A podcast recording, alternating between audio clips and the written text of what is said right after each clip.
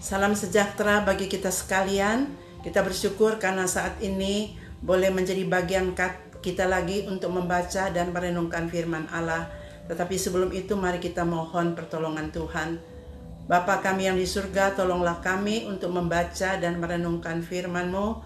Kami mohon Roh Kudus memberikan pencerahan atas firman yang akan kami baca sehingga menjadi berkat di dalam kehidupan kami. Dengarkan doa kami dalam nama Yesus kami berdoa dan bersyukur. Amin.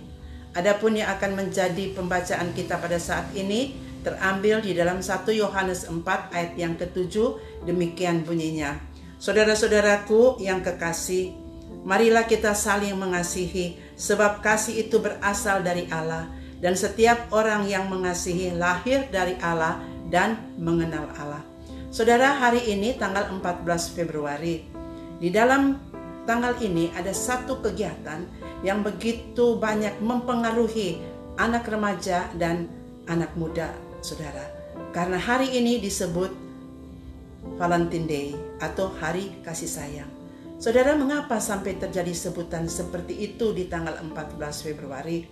Oleh karena, Saudara, ada seorang pendeta yang bernama Valentinus dia adalah seorang pendeta yang menentang pemerintahan atau kerajaan Romawi saat itu di mana kaisarnya bernama Kaisar Claudius II yang tidak percaya kepada Kristus. Di mana dia telah mengeluarkan peraturan bahwa setiap pria lajang tidak boleh menikah oleh karena akan pergi berperang. Tetapi pendeta ini memberkati beberapa pasang anak muda yang ingin menikah secara diam-diam. Pada akhirnya saudara, pendeta ini dipenjarakan dan harus dihukum mati. Nah, saudara, kebiasaan daripada pendeta ini, saudara, adalah dia selalu mengkotbahkan tentang kasih dan membagi kartu yang bergambar hati, di mana situ dikata, disimbolkan adalah hati Kristus. Nah, tatkala dia di penjara, kebiasaan itu tetap dilakukannya sehingga saudara banyak orang yang bertobat dan percaya kepada Kristus. Bahkan anak seorang sipir diajari oleh pendeta ini oleh karena permintaan si sipir. Nah, anak perempuan ini buta dan pendeta ini mengajarkan berhitung dan menceritakan tentang Tuhan. Dan terjadilah kedekatan relasi antara pendeta ini dengan anak perempuan sipir ini, saudara. Dan pada akhirnya pada tanggal 14 Februari 270, pendeta ini harus dihukum mati, tapi sebelum itu dia memberikan pesan penutup kepada si anak perempuan sipir yang buta ini dengan tulisan From Your Valentine.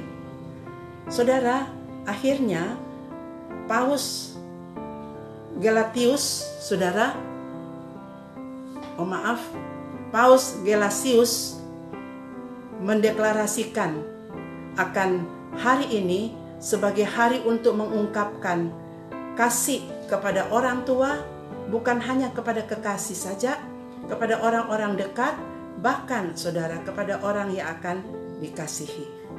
Nah, saudara, Hal ini berlangsung dari masa ke masa.